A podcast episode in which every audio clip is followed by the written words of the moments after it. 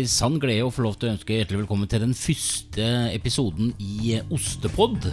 Eh, vi skal under unde skørpa og inn i kjernen. Og i den aller, aller første episoden så har vi rett og slett tatt turen eh, til en plass jeg aldri har vært. Og det var ikke sikkert jeg hadde skulle gjette at det skulle eh, hit heller. Eh, Men eh, Arve Bjørnstad, vi er hjemme jo det. Eh, Kan ikke du forklare oss eh, hvor i landet vi er? Altså hvor, hvor har jeg havna hen? Ja, nå har du havna i Brydalen, I Brydalen, ja. ja. og det er en, ei bygd i Tynset kommune. ja.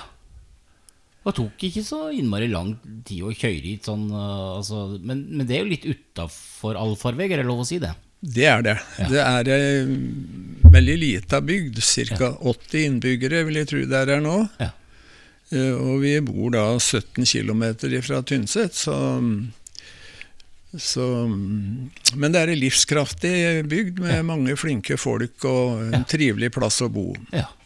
Og grunnen til at vi er Arve, det er jo eh, Det er blant annet, da, vil jeg vel si. Det er mange grunner til at vi er her. Eh, Men foran meg her så ligger det ei bok. Eh, Der står det Raudsjødalen Setermeieri. Og det er det det skal handle om. Den boka har du skrevet. Ja, det er en eh, bok om historia til Raursjødalen. Den er skrevet i eh, 2013. Ja. Og jeg tar da for meg det viktige bygget som ligger i Raursjødalen. Nemlig Norges og Nord-Europas første andelsmeieri. Ja. Jeg har forsøkt å sette historia inn i en sammenheng og, og, og, og finne ut hvorfor kom det akkurat hit. For det er muligens så avsides som det går an å få det. Men eh, det har egentlig en ganske naturlig forklaring. Men hvor, eh, hvor langt bakover i tid må vi da for å liksom starte denne historien her? Eh, altså eh, på, på året her. Altså, hvor langt, hvor starta egentlig denne historien, da? Ja, altså sjølve Selve eventyret i Raursjødalen det startet i 1856, men det kan være lurt å gå litt tilbake i tid derfra. Og da tenker jeg på I 1809 så ble det stifta et selskap som het Norges Vel. Og de hadde da en eh, visjon om å utvikle Norge til en sjølstendig stat Ja. hvor vi kunne bli sjølbergende i mye større grad enn det vi var på den tida der. Men hang du ihop med svensken og Da eh, er vi Det er vel eh, akkurat i det momentet hvor vi går fra å være under danskene Ja. til å komme under eh, svenskene, da. Ja. Og det var egentlig ikke så gærent å komme under svenskene, for vi fikk hånd om eh, innenrikspolitikken vår sjøl. Ja. Det hadde vi ikke når vi var eh, sammen med danskene. For eh, danskekongen, han var eneveldig. Ja, ja, ja. Han, eh, han, eh, han har vel ord på seg, eller hadde ord på seg for å, for å være det. Men Norges Vel, sier du da. Hva, var målet hva har dette med landbruket å gjøre eventuelt da? Jo, Norges Vel de hadde jo tatt mål av seg til å utvikle en sjølstendig stat, eh, hvor vi kunne bli sjølbergende på så mange områder eh, som mulig. Så de hadde da etter hvert eh, startet skoler, landbruksskoler, var involvert i opprettelse av banker. Og når vi kommer på 18, ja, sist på 1830-tallet, så så finner de ut at vi er nødt for oss å satse eh, veldig eh, sterkt på landbruk. På den tida så var nesten 80% av Norges befolkning de, de hadde en tilknytning til landbruket på en eller annen måte. Gjerne med en bijobb ved siden av, men, eh, men landbruket var liksom, liksom Det var liksom hovednerven i, i, i, dette her. her. Det var en, eh, en agrarøkonomi, var ikke det? Altså, det var jo sånn at eh, du, du drev med kønn og eh, egg og kjøtt, og så fikk du noe annet attende. Det var jo, det var jo litt en, lettvint en en byttehandel nærmest, ja. ja, ja. Det var det. Ja. Og så skjer det ting, da. Eh, Norges Ja. Vel, offensive, vil jeg si, når vi leser historiebøkene. Det var det la seg ikke på latsida deg. Nei, de gjorde ikke det. De hadde vyer, og de var veldig flinke til å få i gang ting. Og de hadde jo da eh, midler, så de kunne støtte disse prosjektene her. Så mm, sånn uten Norges vel så hadde det nok kanskje ikke sett sånn ut i Norge som det gjør i dag. Nei. Og så fortalte du eh, interessant tilnærming der. Du begynte å importere arbeidskraft eh, omtrent. Altså, Vi har jo hørt om det i, i moderne tid, men eh, det går rykte om noen sveitsere som etter kort skulle lære ut både det ene og det andre. Ja, det var um, det var et saltverk nede ved Tønsberg som het Vallø, ja. som fikk en uh, ganske spesiell betydning i forhold til prosjektet i Rørsjødalen i hvert fall, mm. og i, for norsk landbruk i det hele tatt. Uh, det var et handelshus i Oslo som i 1831 kjøpte denne gården. Det var et saltverk eh, med flere hundre ansatte. De utvant Eller de, de lagde salt, da. Mm. Og det er klart at det var, det var jo kanskje litt eh, spesielt, fordi at det, eh, vi har jo et nokså tøft klima i forhold, til, eh, i forhold til å utvinne dette saltet. Mm. Og mm, det er sikkert hørt ordet sirkumferens. Ja, ja. Det, er, det var et De satte da en passer på det stedet, ikke sant, og så, og så dro de en sirkel rundt. Og innenfor denne sirkelen så hadde da gjerne dette saltverket der nede, da, og Rørosgruven de hadde en tilsvarende på Røros. Ja. Og innenfor der så hadde de da førsteretten på trevirke, ja, fossefall ja. Og, og, ting som var nødvendig for det de skulle gjøre. Mm. Ja. Og mm, det var ikke så lett å få dette her eh, saltverket til å gå, fordi at eh, tollen var eh, forandret. Mm. Det var en ganske streng tollmur i sin tid, men så ble denne løst opp, og da ble det mye vanskeligere å konkurrere med det importerte saltet. Ja. Dette saltverket det hadde et stort fjøs, det var 65 mjølkekyr.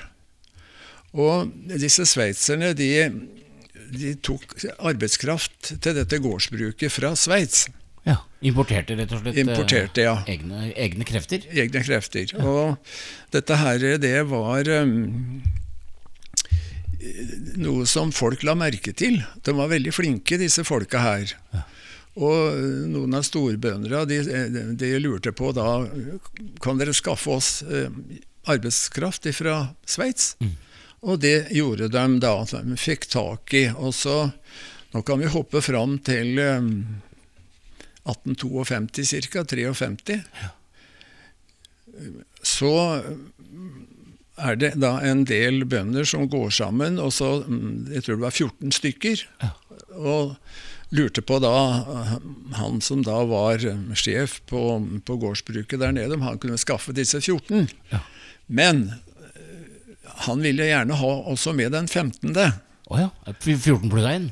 14 pluss 1, ja. ja. Og den 15. det måtte være en god yster, ja. og en som var flink med husdyrhold. Ja. Og han var påtenkt en jobb i Raursjedalen. Nå visste han nok ikke at de skulle til Rørsedal på den tida, men han skulle i hvert fall være bestyrer for det første andelsmeieriet i Norge. Ja.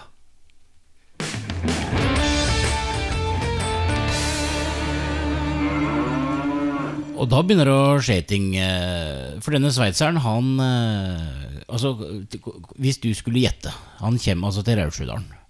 Eh, hvor, hvor, hvor, står, hvor, står, hvor er klart i Raudsjødalen egentlig, når han kommer? Altså, Hva er denne historien? Ja, han, han kommer jo da Vi kan kanskje hoppe bitte lite grann tilbake til ca. 253. Ja. Da er det en dansk agronom som eh, driver eh, med litt veiledning både i Hedmark og Oppland. Og han har med seg en, en sveitser som heter Andreas Kundert. Ja. Og de er da i Vingilden og området rundt Tolga Os. Og de finner ut at dette her, her, det må da være et sted som egner seg veldig fint for å lage edlere oster. Mm -hmm.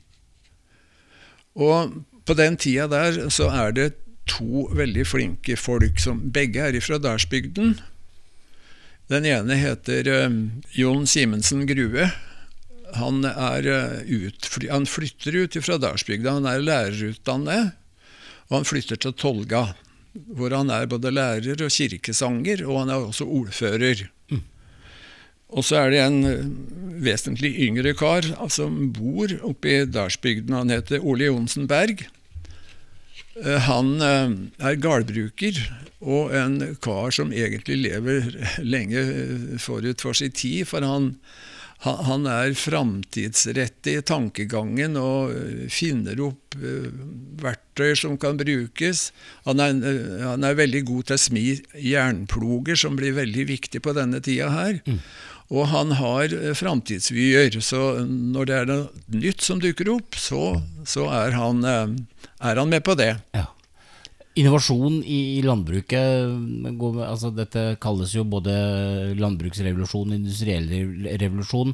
Men det er flinke bønder med flinke folk, eh, framoverlente folk vi snakker om i denne regionen her nå? Ja, det er det absolutt. Og når det gjelder Tolga O, så var de veldig tilknyttet gruvesamfunnet på eh, Røros. Mm. De brente kull og solgte, kjøpte, kjørte ved dit, og de kjørte proviant. Og ikke minst så hadde de fått penger om hender, for her hadde allerede pengesystemet begynt å fungere. Ja. Eh, og så akkurat på denne tida her, sånn midt på 1850-tallet, så ser det ut som en av hovedgruvene på Røros begynner å gå tom for malm. Eh, Storvarsgruva het den. Og når, eh, så framsynte som de er, så tenker de at vel, vi må se om vi kanskje kan finne noe annet å tjene penger på. Mm. Og så begynner denne her meieritanken å, å danne seg. Selvfølgelig under innflytelse av Norges Vel og disse sveitserne og han danske agronomen. Ja. Det er litt av et miljø da, som begynner å tenke disse tankene her. altså 1850-tallet, vi er ganske godt tilbake her. Eh, og så kommer 14 pluss 1, så kommer han der, så kommer han der supersveitseren. Er det lov å kalle han det, eller? Ja, vi kan kalle han det. Ja, ja. Han hadde i hvert fall et veldig godt omdømme. Ja. Så, og meierier eh, som det holdt på å gå gærent med, de hyret inn han da for en kortere periode etter at han hadde vært i Rørsedalen, mm. for å prøve å få det på fote. Ja. Men så, så, er det altså slik da, at her er det et miljø som vil mer, og en ser kanskje en sånn samvirketanke. da. Eh, men så kommer jo han derre supersveitseren eh, til Raudsjødalen. Men er det noe fjøs klart der, da? Eh, altså, er det noe altså, man har jo ikke bygd et meieri og så finne ysteren, eller hva er det som skjer her?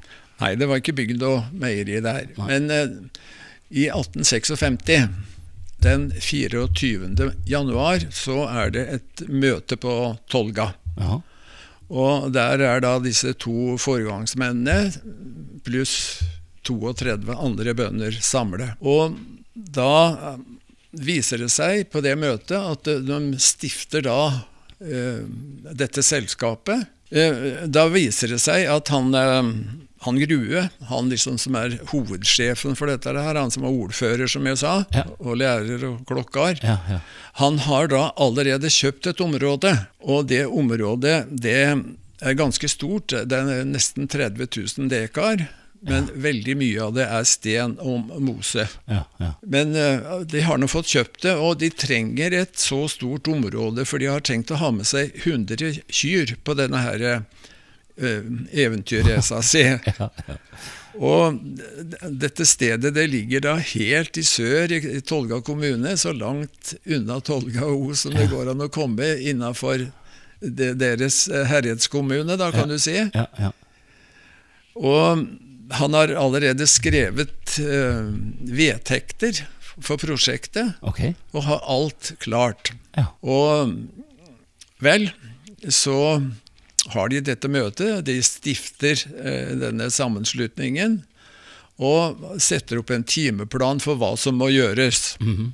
Og da må det gjøres bl.a. det må bygges et meieri med bjølkerom, ysterom, lagerrom. Og så må det bygges et fjøs med plass til 100 kuer.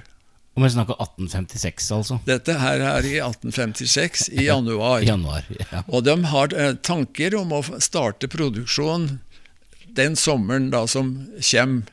Okay. I 1856. ja Så det er egentlig bare tid og vei på mange måter. ja. En ting som karene på Tolga og i Os ikke hadde regnet med, det var at eh, de som hadde hatt ansvaret for krøtterstell og hadde fortsatt ansvaret for krøtterstell, det var kvinnfolka på gården. Mm.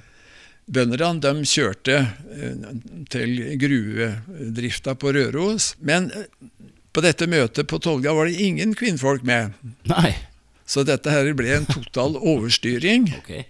Og dette her det hang ved prosjektet hele veien. Ja, det Alle kvinnfolkene var veldig imot det. ja.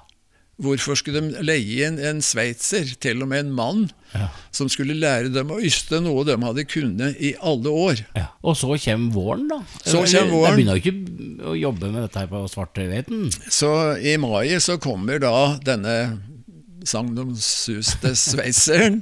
Kaspar Hirstad heter han. Han kommer da til Tolga og Os og skal ta noen prøveystinger da, for å liksom eh, komme i form til sjølve prosjektet i Raudsjødalen. Men det viser seg der at um, sommeren før hadde vært veldig dårlig. Ja. Det fantes nesten ikke høy fôr, Nei. og det var enda mindre av mjølk. Så- det var ikke så mye mjølk at det kunne ta, foreta prøveystinga i det hele tatt.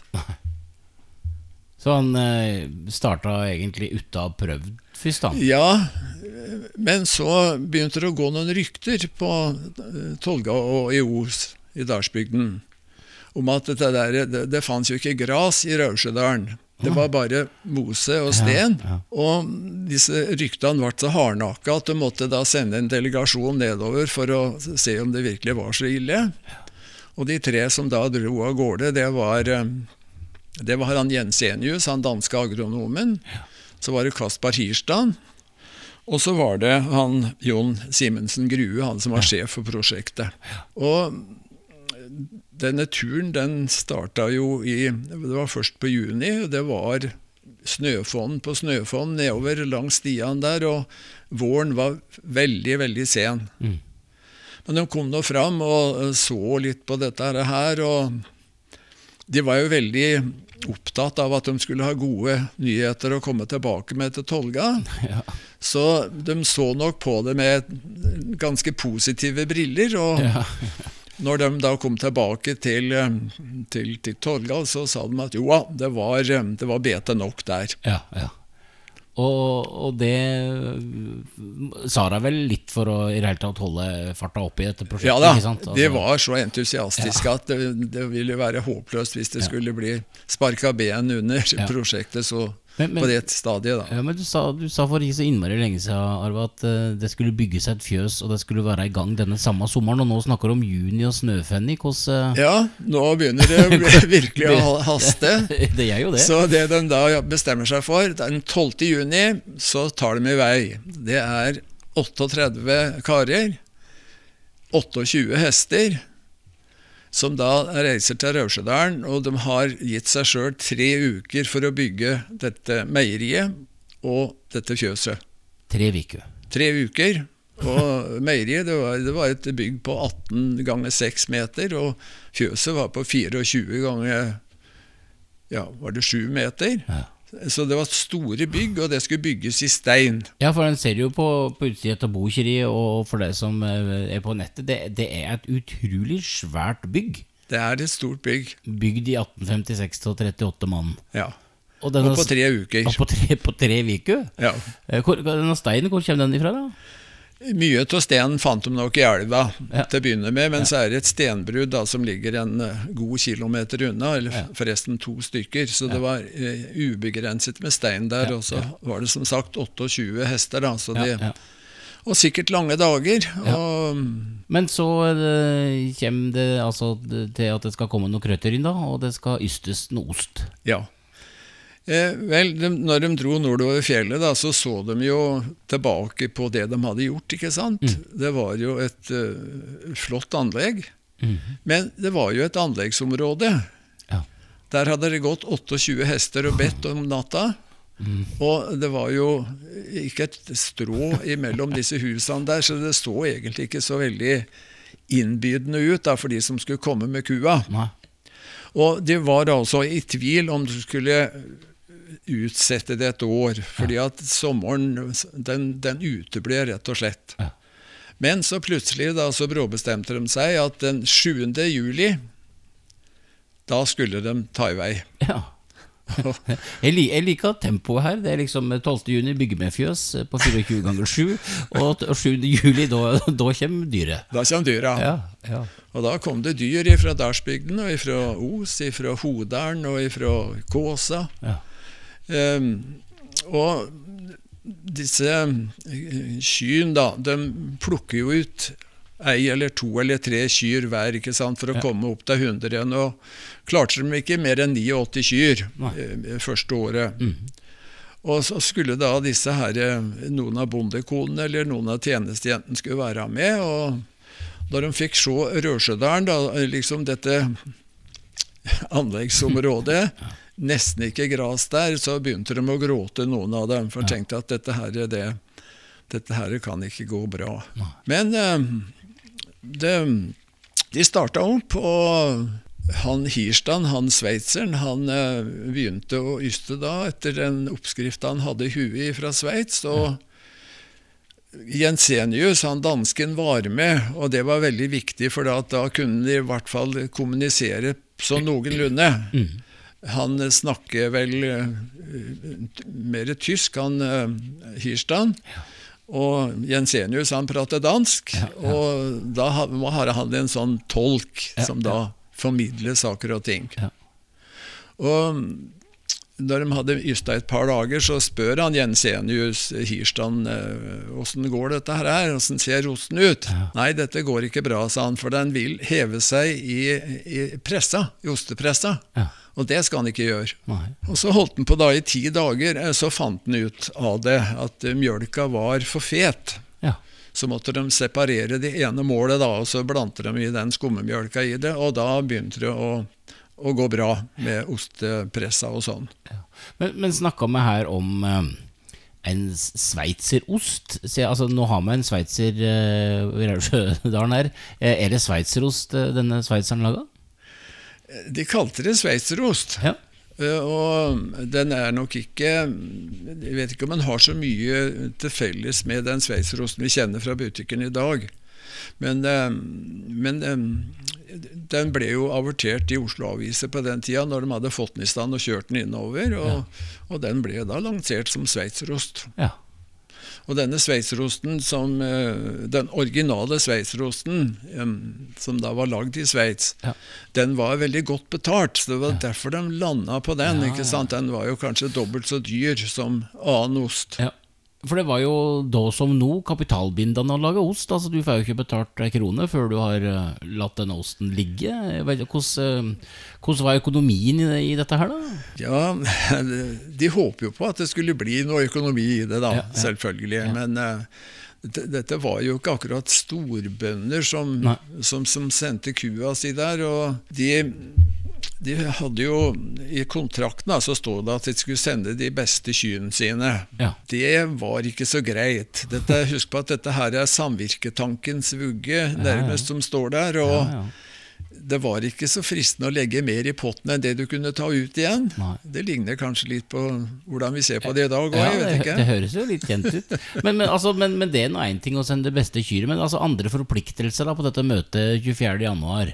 Altså, når du skulle inn i dette, var det noen forpliktelse annet enn å levere den beste kyren, liksom? Ja, de hadde jo en eh, vedplikt. Vedplikt? Ja, alle Ja. som eh, var andelseiere, de måtte eh, av gårde og hogge ved. Ja. Og for det har også drive et meieri på den tida, ikke sant, hvor du utelukkende skal bruke bjørk, bjørkeved, så, så går det veldig mye ved. Og særlig, eh, for de produserte jo også eh, noe møssmør, brunost, Ja. og det er et eh, vedsluk uten like for å så Det fyres jo døgnet rundt. fyres å si. hele Ja, døgnet ja, omtrent. Ja, ja, ja. Ja. Og det var ikke alle som tok denne plikten alvorlig, dessverre. Nei. Og så sveitseren han Hirstad måtte mer enn én en gang ut og hogge ved Ja, sjøl. ja. Kanskje ikke like populært. Ikke like populært. Og så hadde Det var jo med seks sånne yngre damer der, da, som De kalte det budeier, og de skulle også gjete kua. Ja. Og det ble satt opp turnus på dette her gjeteprosjektet. ja. Og somrene, de to somrene som dette meieriet var i bruk, i 1856-57 Det var to veldig kalde somre, så det arbeidet var ikke noe særlig populært, altså. Men nå, nå, har vi jo begynt, eh, kanskje, og for deg som har hørt etter, så sa du at de to somrene For dette prosjektet her, det, det varte ikke så lenge? Nei, det varte faktisk i bare to somrer. Ja. Årsaken til, til, det, da? Er det, var det kald sommer, eller var det turnus som ikke gikk? Eller, altså, hva, var. Hvis du tenker Ja, eh, Han Hirstand, han sveitseren, han hadde kontrakt på fire år. Men eh, han hadde store problemer. Han, han, lærte seg jo aldri norsk. Eh, hoveddelen av hjelpa der var eh, kvinner. Ja. Og de hadde jo med seg den her motviljen inn i prosjektet. ja, Hvor skulle de med en sveitser, ja. liksom? Ja. Og så eh, det ene året så hadde nok eh, Hirstand forelsket seg i en av disse damene som var, skulle gjete og ja, ja. være budeier. Og ja.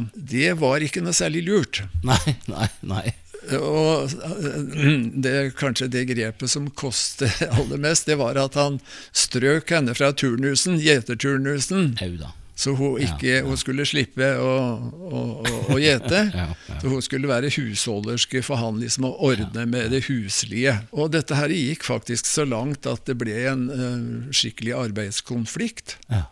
Og de um, sendte da en ordonnans nordover til Tolga og lurte på om det, en meklingsmann kunne stille opp. Og da ble det så sjefen sjøl vei og mente at nå drar jeg nedover i dag på formiddagen, og så kommer jeg kanskje igjen utpå kvelden eller i morgen. Og han ble der faktisk i ei uke og mekle før han fikk roe gemutene der. Det, det, altså det, er, altså det, det, er, jo ikke meningen å flire av det, men det er klart at det, du, du, sa det jo, samvirkens vugge. Det er jo det vi sitter og snakker ja, om her nå. Ja, det, det, viser hvor liksom, vanskelig det kunne ja, være når ja, du skal styre mange folk. Og så særlig han som da ikke hadde det hadde kommunikasjonsmuligheten i et vanlig språk, ikke sant? Så, så, dette her er det Også disse kalde somrene det, det ble produsert mindre enn det de hadde forventet. Ja, ja. Det var en del ting som til sum ble, uh, ble banen til prosjektet, rett og slett? Ja, rett og slett. Ja. Skal vi ta oss og um, se på livet etter Raudsjødalen, da? For det har jo uh, Nå er vi jo bare kommet til 1857, men det er jo faktisk ting som har skjedd etter 1857 òg? Ja. Etter 1857, altså det andre året, da, så, så må de liksom finne ut hva gjør vi videre. Mm. De hadde en eh, kontrakt med Hirstand på fire år. Eh, han har da sendt sin oppsigelse og får innvilge den. Mm. Hirstand hadde med seg en læregutt uh, ja, ja. som uh, Kanskje vi skal satse på han, var det noen som foreslo. Mm. Og de ba da Hirstand om en uh, attest. Og den attesten, den, eh, vel, vel, den var ikke udelt positiv, men ja. han så ikke bort ifra at han en gang i framtida kunne bli en bra yster. Ja. Men um, det var nok en vei å gå. Ja. Så da står han der ute av fagfolk? Så da noen... står de ute av fagfolk.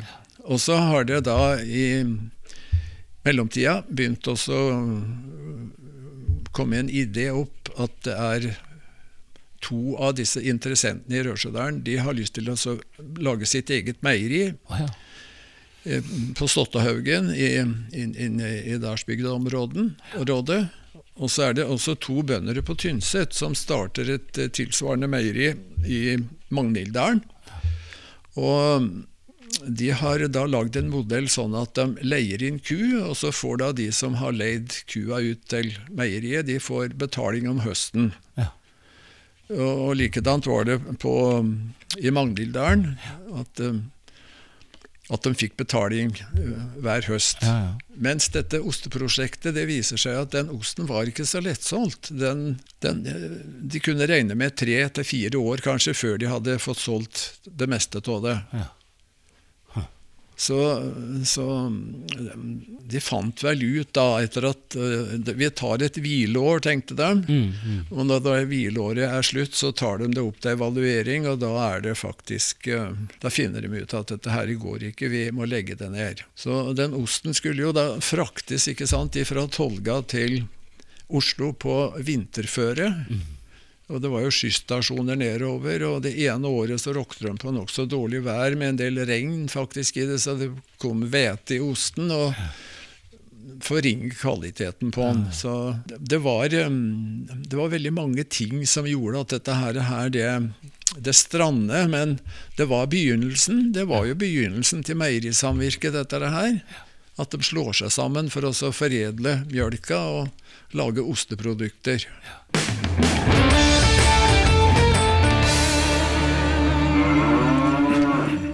Og så er det jo eh, veldig gledelig og hyggelig da, altså på Raursjødalen i dag, altså nå. Det står jo veldig flotte bygninger der nå. Eh, fortell oss litt grann eh, hvor Raursjødalen er for det nå. For du er jo, eh, du er jo eier du nå av dette. Fortell oss litt grann hvor Raursjødalen er. Ja, det er litt tilfeldig så har jeg kommet inn i bildet her. For ja. som ble kona mi. Hun hadde en tante og en onkel som ikke hadde barn. Mm. Og når vi flytta fra Oslo-kanten og opp til Tynset, så fikk vi forespørsel om vi kunne tenke oss å ta over dette bruket. Og da fulgte halvparten av det gamle meieriet med. Mm. Og vi, vi, vi syntes det så spennende ut, så vi, vi, vi gikk med på den dealen der. Ja, ja, ja, og for en fire-fem-seks år siden, så han som da eide andre halvdelen, han fant ut at han skulle selge meieriet og setra si. Og så kjøpte vi den, så nå har vi hånd om hele, da. Og det er veldig realt når du skal drive liksom museum og, og har et prosjekt. For det går an å besøke der nå på, i, i juli, ikke sant? Ja. ja. Eh, fire uker i juli måned.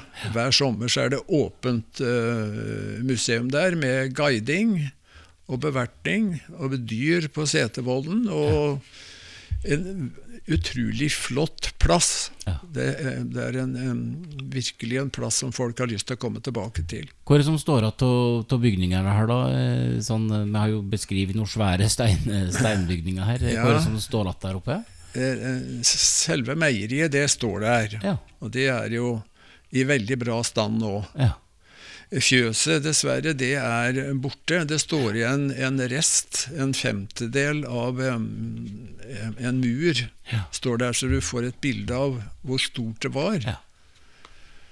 Eh, ellers er det jo gamle seter, gamle hus, som, eh, og alt er egentlig nå i veldig bra stand. Ja. Så det er jo ikke mindre enn 14 hus som er i området som er en kulisse rundt det. Ja. Og så eh, Du er jo en mann med mange ideer og å, å drømme og så er det flere i området her som, eh, som har det. Eh, foran meg her nå, eh, Arve, så ligger det en trekant. Eh, og for deg som hører på Ostepod, så vet jeg kanskje ofte at det handler om ost. For her ligger det da vitterlig en ost det står Raudsjødalsost på. Hos, eh, denne er ikke Den ser veldig fersk og fin ut. Eh, hva, hva, hva er historien bak dette nå? Ja, i eh, ca. 18 Ca. 2015 ja, ja. så fikk jeg en idé om at hva om vi prøvde oss å rekonstruere den gamle sveitserosten som ble ysta i Rørsjødalen i 1856-57? Ja. Eh, så mm, var det en eh, litt lenger nord i fjellet der som hadde lagd seg et lite sånn gardsmeieri. Ja. Og så snakka vi litt sammen, og så kanskje vi skulle prøve, prøve dette her. Ja, ja. og det var interessant, og vi gjorde nå det, og fikk, eh, fikk lagd en, en ost og, men uh, han slutter med denne meieridrifta si. Så, mm. og jeg syns at ideen var såpass spennende at jeg hadde lyst til å prøve å uh, ja, finne en annen vei for å få osten ut på markedet. Ja, ja, Og um, jeg samarbeider, eller vi samarbeider jo med Tine. Det er jo de som eh, støtter oss økonomisk, så vi kan ha dette her museet åpent. Ja. Så vi har fått utrolig mye god hjelp av Tine, og de er veldig positive til vårt prosjekt. Mm.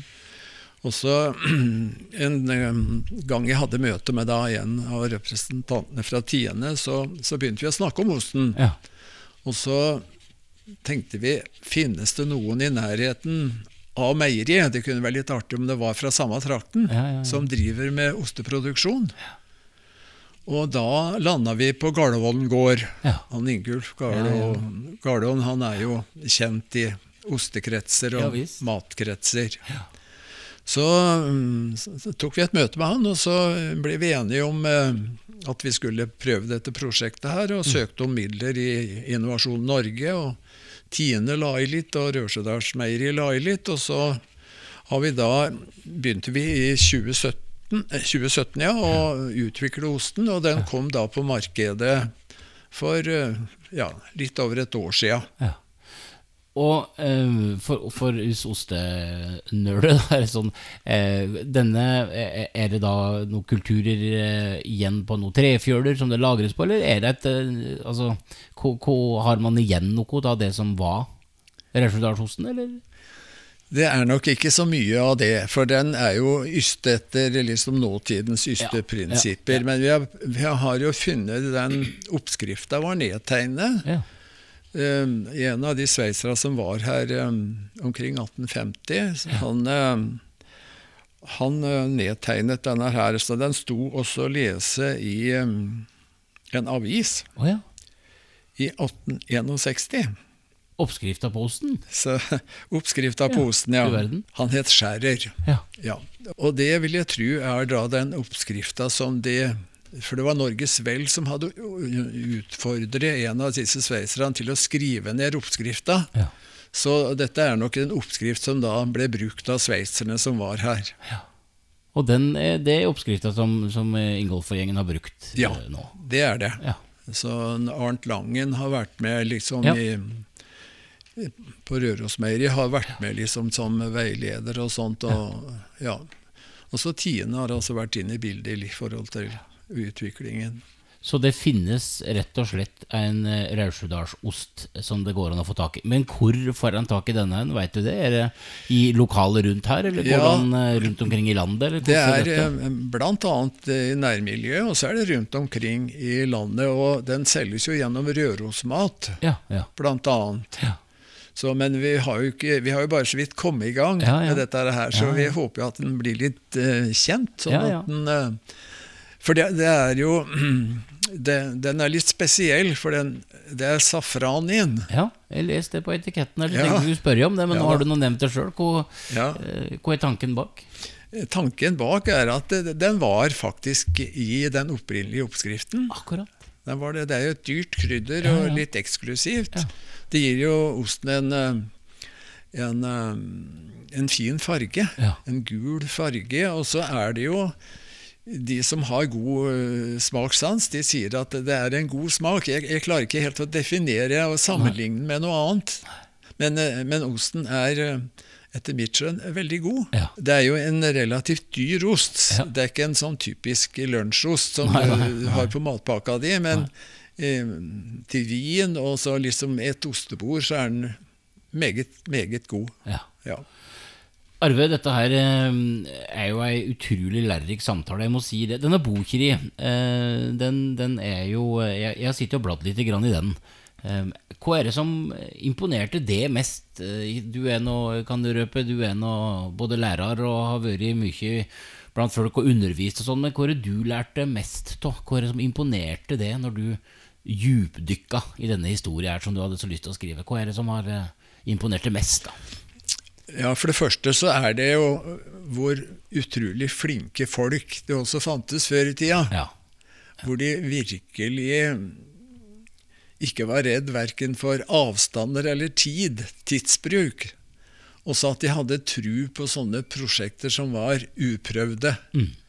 det, eh, det, har imponert meg veldig. Mm. Det er jo eh, Så har jo kunnet bla liksom i arkiva som da er på, på museet. og, og det er jo noen pussigheter egentlig som, og noen tilfeldigheter som gjør at vi har disse opplysningene. Mm. For når han Grue pensjonerte seg, da, for å bruke det ordet, som lærer, så hadde han ei hadde ei tomt eh, liksom imellom Tolga og Dalsbygda, da, sånn mm. nærmest ei setertomt. Ja.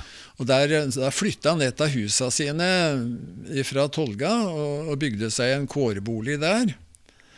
Og så viste det seg da, liksom eh, lenge etter at han var død, så var det, det var brukt sagflis da, som isolasjon oppå loftet. Ja. Og det var vel før ikke-opphold og papp av alle andre slag kom. Ja. Og da viste det seg at eh, den vindsperra som lå oppå sagflisa, ja. det var gamle dokumenter fra Rørsedalsmeieriet. Så ved en tilfeldighet så fikk vi da hånd om disse. Ja. og, det og, det er, og, det er, utrolig detaljert bok. Jeg har bladd så vidt i, og det er jo med prising og mål og hvor mye liter som ble levert. Det, det er jo sirlig eh, dokumentert, dette her. Eh, og det er vel kanskje det, det, fine med dette prosjektet. Altså er, det, er, veldig mange detaljer her som er, som er, for den som er ekstra nysgjerrig, som det går an å lese seg opp og lære seg mer om. Det er det absolutt. Og så er det, det er jo slik at eh, jeg har skrevet en sånn at du skal se litt sammenhengen mellom ting. Mm. Hvorfor ble det sånn? Ja. Hvorfor gikk det ikke bedre, f.eks.? Og, ja. og jeg, jeg, har skrevet boka i full respekt for alle de som var der, sjøl om noen av disse episodene kan virke litt artige for oss, ikke mm. sant? så var det jo blodig alvor for dem. Og, men jeg hadde lyst til å skrive en bok som, som kunne fungere litt som en slags guide ja, i hele greia. Ja. Og for meg er historie eh, sammenhenger. Ja. ja. Og Tine eh, ser jo på eh, Raudsjødalen som arnested til samvirke og, og, sin drift i dag. Det gjør de. Absolutt. Så uten Rausedalen, intet eh, Tine. Nei. Og uten Tine i våre dager, intet Rødsjødalen setermeieri. Arve, det har vært ei sann glede å få lov til å, å sitte her og prate eh, med deg. Skal vi liksom prøve å avrunde? Vi kunne sitte en time til. Eh, men, men, har du noen avrundende ord? Eh, jeg skal i hvert fall til Raudsjødalen til sommeren. Det er helt sikkert. For dette har jeg lyst til å se på. Denne her treukers økta med, med, med, å mure fjøset og, og, og, meieriet som står der ennå. Det skal jeg se i levende livet. Eh, har du lyst til å, å, å, si noe avslutningsvis, eh, så må du gjerne det, altså. Ja, altså Jeg begynner jo å dra kraftig på årene, og det som er eh, Det vi har fått i stand oppi der, det er jo veldig fint hvis den historien kan leve videre. Mm. Og jeg håper inderlig at Tine liksom ser verdien av det er ikke alle meierier som har en sånn historie å, støtte seg på, og at de virkelig tar ja, ermet på lasset videre. Det, mm. det vil jeg sette kjempestor pris på. Den utfordringen er sendt til ikke bare Tine, men til alle andre som har hørt på denne podkasten. Arve Bjørnstad, tusen takk for besøket. Jo, takk for at du kom. Ja, mine damer og herrer, har dere uh, fått lov til å være med på den aller aller første episoden av Ostepod. Uh, litt under skorpa og inn i kjernen. Den er støtta av ostelandet.no, og det er Ostebygda som har tatt initiativet. Så da ønsker vi rett og slett på gjenhør eh, neste gang, og så håper jeg at du har kost deg med den første episoden av Ostepod. Takk for i dag.